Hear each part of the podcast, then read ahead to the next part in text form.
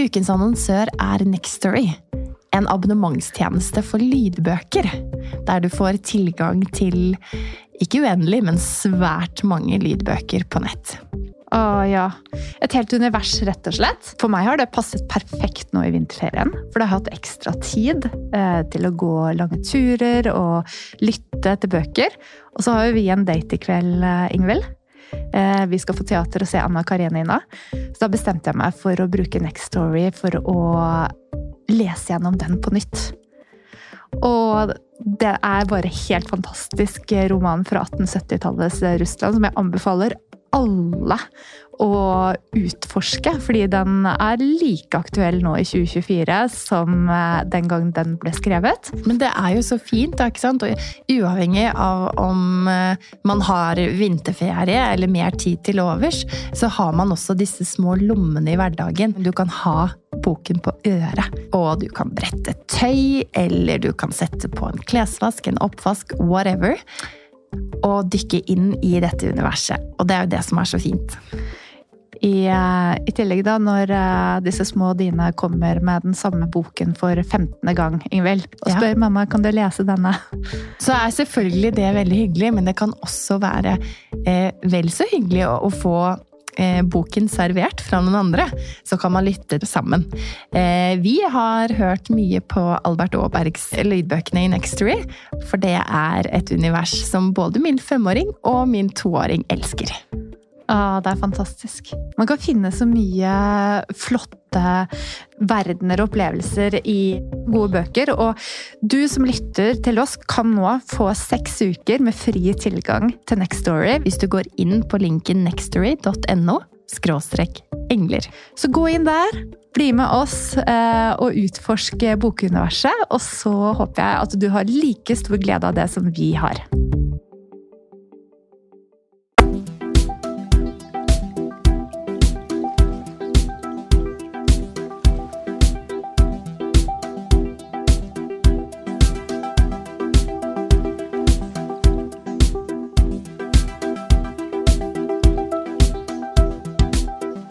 Velkommen til Engler og hormoner.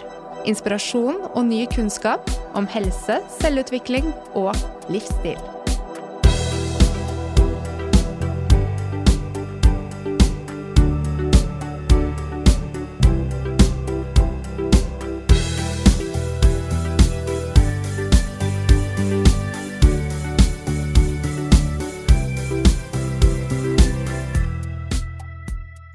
Hei, Ingvild. Hallo! Og hallo, kjære lytter. Er dere klar for enda en soloepisode med meg og Mona? Kvinnehelse i fokus. Vi skal skravle mer om ting som opptar oss. Og dagens tema, Ingvild, eh, er jo noe vi ser hver eneste dag i klinikk. Eh, men allikevel blir jeg så overrasket over at kvinnene som opplever bekkenbunnsdysfunksjon, er så lite informert om hvor vanlig det er, og ofte blir overrasket over at det er en tilstand. Ja, ikke sant. Og tallene spriker jo ganske mye da når det gjelder egentlig bekkenbunnsdysfunksjon, men la oss si at sånn cirka ja, 25% av eh, oss eh, opplever det. Da tror jeg ikke du overdriver, faktisk. Nei, jeg tror ikke jeg overdriver, for å si Nei. det sånn. Men, eh, men sa jeg overdriver? Nei. Nei?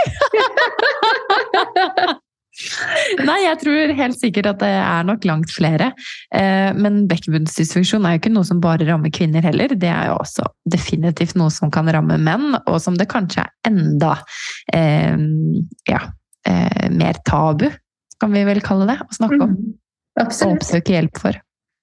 Men hva er bekkenbunnsdysfunksjon, da, Ingvild? Ja, da må vi jo bli litt kjent med hva bekkenbunnen vår er, da. Men bekkenbunnsdysfunksjon det er jo liksom definert ved at man har vansker med å eh, på riktig måte avspenne eller aktivere bekkenbunnen vår. Og Bekkenbunnsmuskulaturen vår er også en viktig sånn koordinator når det er sett opp mot vannlating eller avføring eller seksuell funksjon. Da. Du snakker jo så fint, eh, og gjorde det også i vulvodyni-episoden vår forrige uke, Mona, om eh, denne knokkelbollen vår. Og i denne knokkelbollen, da, som består av IS-leddet og eh, symfysen frem til, og haleben osv., så, videre, så er liksom bekkenbunnen vår som danner gulvet i kroppen, og som skal stå imot all endring av trykk som kommer eh, ovenifra, men også ta imot mye kraftabsorpsjon egentlig fra underlaget. Ja. Bevegelse. Og så er bekkenbunnen en muskelgruppe. Det er ikke bare én muskel. Så når vi undersøker bekkenbunnen, så undersøker vi ulike muskler, ikke bare én. Og det kan være fullt mulig at en bekkenbunnsdysfunksjon hos meg ser helt annerledes ut enn hos deg, Ingvild. Fordi det kan ja. være ulike muskler som er involvert. Absolutt. Og denne muskulaturen eh, som vi snakker om, da, som er en gruppe muskler, det ligger omkring eh, hos oss kvinner, rundt urinrørsåpning, rundt skjedeåpning og rundt endetarmsåpningen, og gir støtte for vesentlige organer i det lille bekkenet vårt. Og så er jo bekkenbunnen eh, veldig pent tegnet opp i mange anatomibøker, men det er også viktig å understreke at den jobber sammen med andre muskler. Eh, så enkelte av musklene i hofteleddet f.eks. ligger veldig nære bekkenbunnen. Setemuskulatur. Og den er også en funksjonell enhet sammen med diafragma, pustemuskelen vår, og mage- og ryggmuskler som en del av kjernemuskulaturen som vi ofte snakker om. Mm. Så den har mange roller å fylle. Mm. Blant annet så er det jo sånn at eh, bekkenbunnsmuskulaturen skal jo kontrollere når ting skal holdes inne og når ting skal slippes ut. Så har man plager med f.eks. ufrivillig eh, lekkasje av avføring eller urin eller luft, eller man har en tyngdefornemmelse i underlivet, eller man kan oppleve um, vansker også med å tømme seg for avføring. At det rett og slett er for stramt. At man opplever at man er nødt til å bruke masse buktrykk for å få ut urin eller avføring når man sitter på toalettet. Og hvis man plutselig tømmer seg for urin uten at man egentlig vil det, eller hvis man har smerter. Oh, for eksempel. Ja. ja. Og flere undergrupper enn de også. Ja, definitivt. Så for oss kvinner da, så er jo bekkenbunnsmuskulaturen eh, en viktig eh, struktur, og gir støtte også til eh, tre ulike organsystemer som møtes her. Og da snakker vi om eh, blære og livmor og endetarm. Og så er det hos oss hos mennene, da, Mona? Ja, de er jo litt anatomisk ulike. Altså, de har ikke livmor, men de har prostata.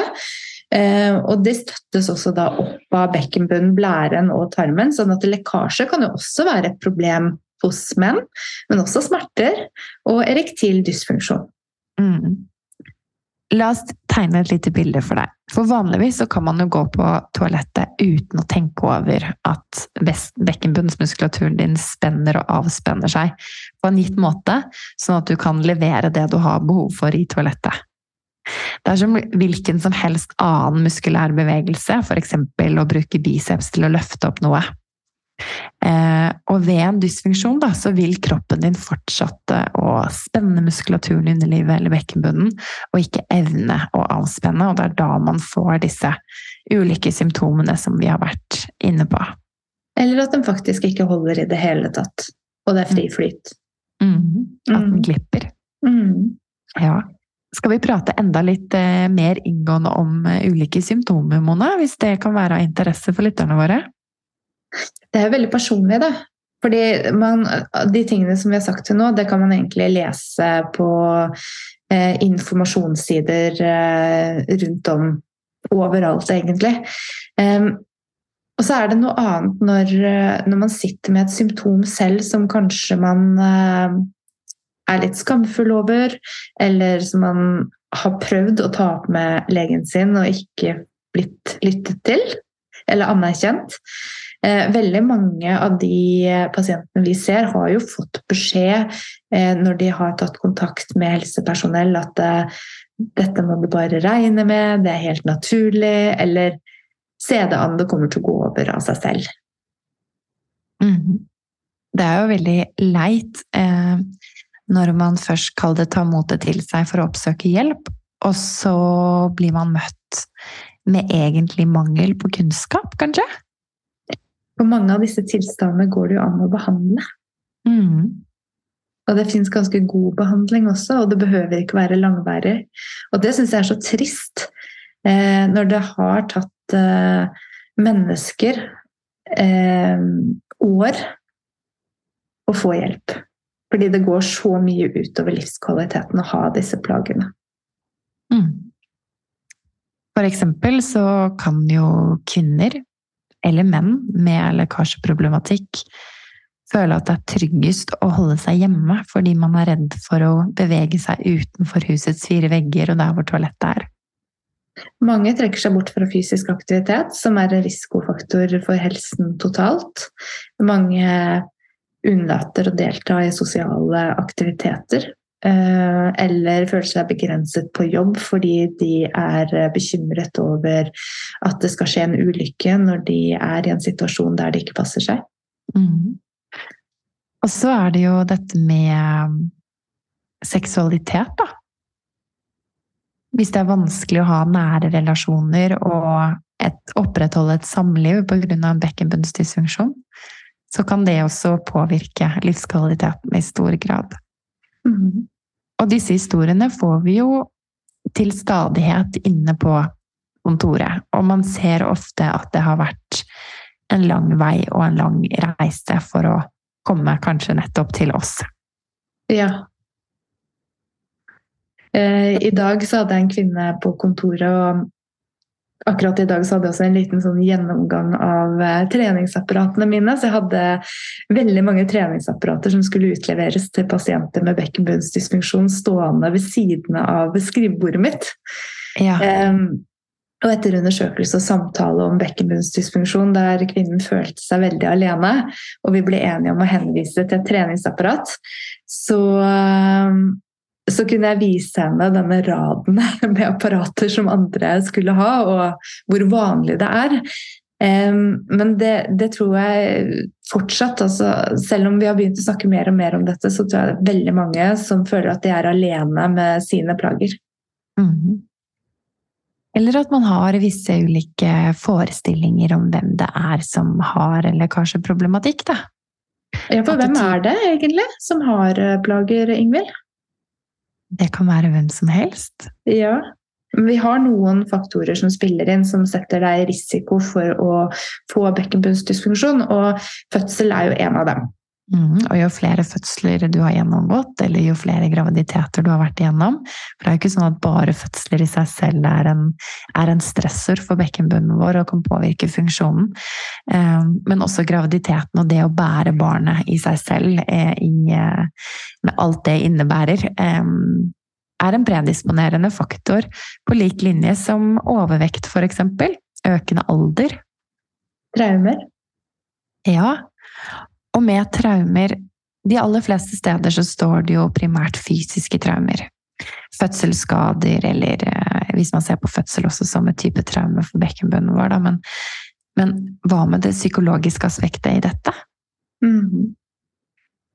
Hva skjer med bekkenbunnen vår når vi har gjennomgått traumer? Det det snakket vi så vidt om i vulvodyni-episoden, og det er så fint å referere tilbake til den. Men eh, funksjonen, da, som definisjonen vi tok frem i starten, der eh, man skal koordinere bekkenbunnsmuskulatur, så er det også med avspenning eh, mm. et viktig aspekt å adressere for de som har hatt traumer.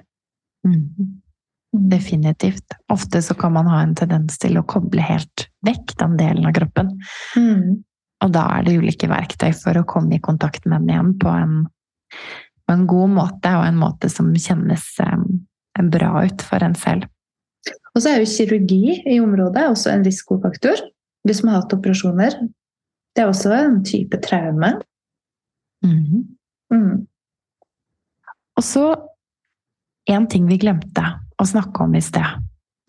Det er jo fremfall om fremfall egentlig er et symptom på svak bekkenbunnsmuskulatur? Ja, derom strides de lærde.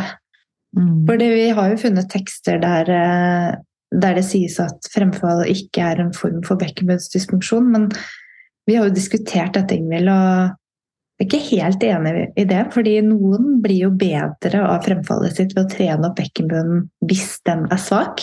Mm. Men der er det også individuelle variasjoner, fordi et fremfall igjen, det kan være så mangt. Mm, det kan det.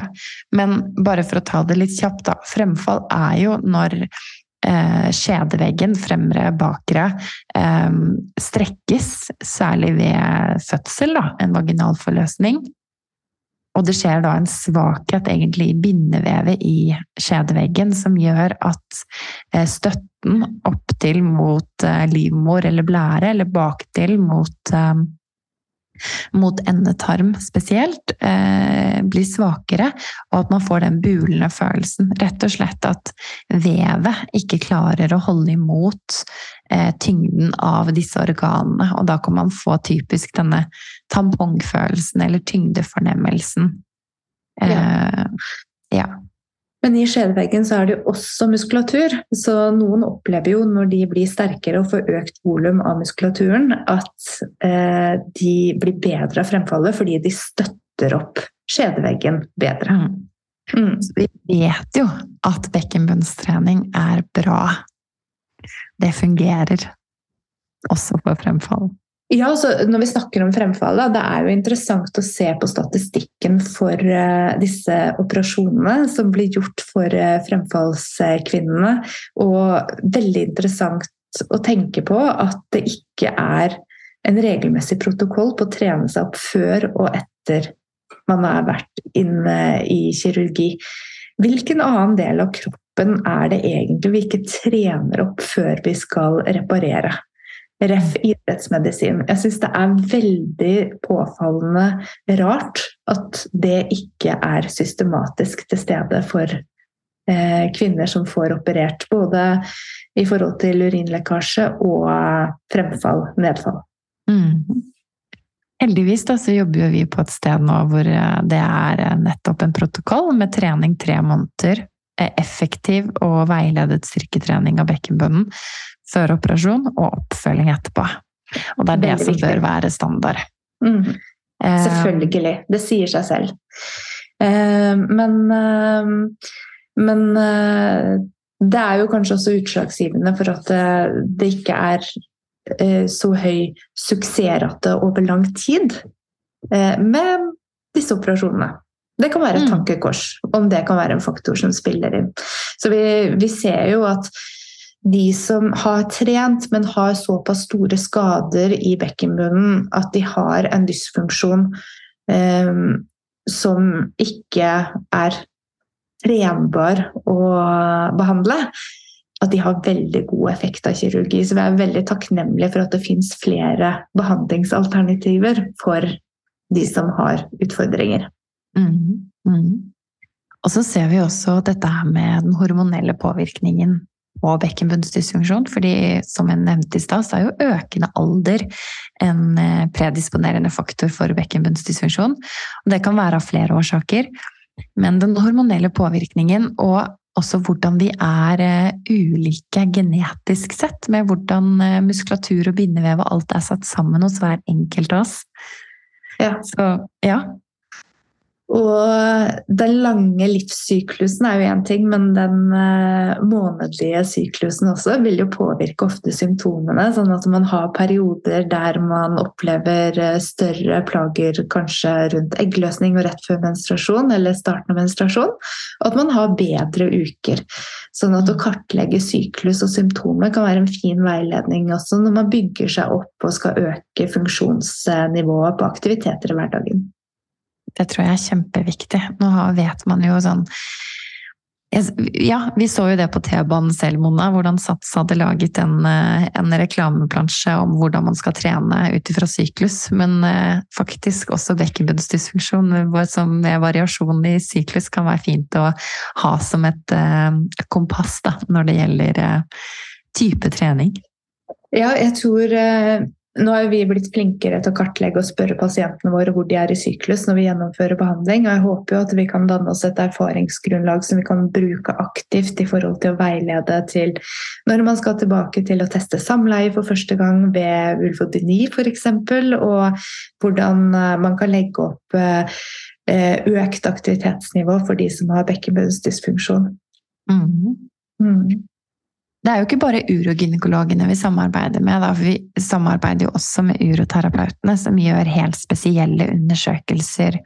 Eh, urodynamiske undersøkelser for vannlating. Man ser på eh, hvordan man spontant later vannet, og hvor stor grad av buktrykk man bruker for å få ut urin, f.eks.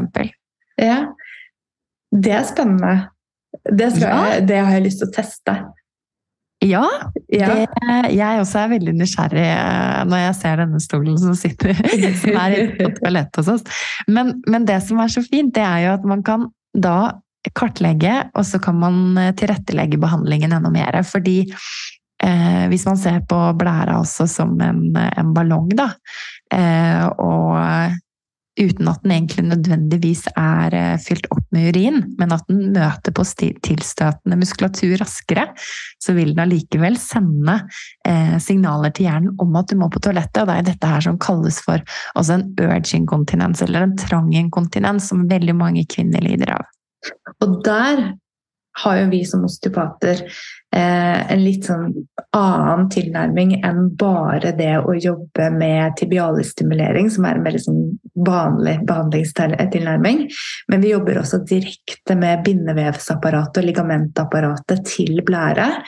Og trykkendringer eh, fra magekaviteten og opp fra brystet med pust. Og det er veldig spennende å se at det er ulike former for direkte behandling som vi erfaringsmessig ser veldig gode resultater ved. Mm. Eh, Det er jo noe som vi håper å forske på etter hvert. Ja, er det ikke også slik at eh, kvinner med hofteleddsartrose hyppigere utvikler urgent urge inkontinens? Det har jeg ikke tall på i hodet akkurat. Nei, Men jeg stoler på deg, Ingvild. Ja, jeg, jeg mener det. Ja. Uh, og, og da ikke sant, så kommer man jo over på hvordan, uh, hvordan sammenhengene mellom uh, hofte og bekken og eh, disse eh, ulike organstrukturene som ligger i det lille bekkenet vårt, hvordan de henger sammen. Det har jo nærmest blitt et fyord å snakke om holdning når det gjelder eh, hvordan man ser på en pasient. Eh, men jeg må nesten eh, kaste meg ut i det og så si at hvordan vi bærer kroppen og trykket vårt, det påvirker jo belastningen og det påvirker sirkulasjonen. Så i praksis så syns jeg det er viktig og verdifullt å ta med i betraktningen rundt disse pasientene. Mm. Jeg er helt enig. Mm. Så skummelt. Så vi, vi har jo litt ulike da, behandlingstilnærminger, for nå hoppet vi liksom litt inn i det allerede. fordi vi samarbeider jo med andre faggrupper og urologer, gynekologer og eh, proktologer eh, i forhold til den medisinske behandlingen og uroterapeutene. Men vi, vi jobber jo med hendene våre. Og vi gir veiledning og øvelser og trening. Men så har vi noen hjelpemidler eh, også. Mm. Ja, og det kommer jo litt an på eh, hva slags type dysfunksjon man har. ikke sant? Er man kjempespent i muskulaturen, så kanskje det å øke kontakten og ikke nødvendigvis eh, eh, stimulere den altfor mye, kanskje det er, er nøkkelordet. Og da bruker vi noe som kalles for biofeedback, og det er rett og slett at man fører inn en probe i underlivet. Som registrerer muskelaktiviteten. Og da har du skjermen foran deg, du ser det visuelt, og du ser at når du kniper, så går grafen oppover, og når du avspenner, så går grafen nedover. Og bare det å få det visuelle bildet, og eh, lære seg til å kjenne etter når er det jeg klarer å slappe av, hva må jeg gjøre, hvordan eh, påvirker pusten min avspenningen, og når er det jeg spenner meg. Og så er det en, en trening. Eh, Ja, og så er det jo litt sånn forskjell fra person til person hvor stort utslag man har på grafen etter hvor Mhm. sterk man er. Og må bare understreke at vi tester alltid at pasienten gjør det riktig ved å kjenne på muskulaturen før vi lar de trene med biofeedback. For det er mange feilkilder ved biofeedback. Og man kan registrere et økt trykk ved å holde pusten eller knipe setemuskulaturen. Så det å øke bare gi. Ja, ikke sant? Mm. Så, så det å bare gi et sånt apparat uten å vite hvorfor pasienten trenger det, og akkurat hva den skal gjøre, det er ingen god idé. Nei, veiledning er kjempeviktig, og at man eh, gjør tester underveis også for å sjekke progresjon i øvelser, men, men, eh, og funksjon ikke minst. Men det er, eh, et veldig fint eh, hjelpemiddel som man Ja. får eh, låne og utlån, så det er ikke noen stor kostnad knyttet til det heller, i hvert fall ikke for oss. Nei. Mm. Og så, og så er det jo de som ikke klarer å aktivisere i det hele tatt. De som Ja. vil score på sånn null og én på skalaen og prøver å finne det gode knipet, men som ikke evner å ta kontakt. Mm. Og da er det jo elstim, da, eller eh, ja, elektrisk stimulering som vi bruker. Også gjerne gjennom en eh, vaginal eller en rektal probe, eh, som føres inn i skjeden eller rektum, og gir da elektrisk stimuli til muskulaturen som hjelper den å knippe og Mm. aktiveres. Og så finnes det utallige måter å sette opp et slikt treningsprogram på. Eh, Men la oss si at det varer fra 10 til eller 5 til 20 minutter. Eh, Og gjøres ofte daglig, eller flere ganger i uken, for å få en progresjon på nettopp kontakten og styrken i bekkenbunnsmuskulaturen. Og så er det skikkelig effektivt. da. Jeg husker første gangen vi testet det eh, sammen på klinikken. Jeg ble Mhm. støl, jeg. Jeg trodde jeg hadde fått urinveisinfeksjon fordi bekkenbunnen min hadde fått ja, skikkelig gangsperre. Ja, ikke sant? Ja, Mhm. og akkurat i det også, for man skal jo ikke overdrive det heller. Så, så, så dos, riktig dosering og sånn spiller jo også en liten rolle, da. Ble Men- kanskje litt ivrig. Men det er veldig gøy, og det er noe som er veldig tilfredsstillende. Ser ut som en liten Gameboy. Uh, unnskyld. Eh, ja, det ser ut som en liten Gameboy, og det er uh, rett og slett litt artig. Mm. Og motiverende i seg selv å ha et sånn type hjelpemiddel som er så konkret. Mm. Mm. Så eh, da vet vi hvor bekkenbunnen er, og vi vet hvilke symptomer man har når ikke den fungerer optimalt. Vi har lært at det er vanlig, og vi vet Mm. at det finnes hjelp å få. Mm. Kvinner og menn. Kvinner og menn. En liten shout-out til gode kollegaer over hele landet som hjelper kvinner og menn til å oppnå god bekkenbunnsfunksjon. Og gjerne ta en titt på Quintet sine hjemmesider, som vi linker i episodebeskrivelsen, for en liste over terapeuter i nærheten av deg som kan hjelpe deg hvis du har utfordringer. Mm. Håper eh, du opplevde og lærte noe nytt i dag om bekkenbunnen. Del med en venn! Ha det! Vi snakkes! Høres! Ha det!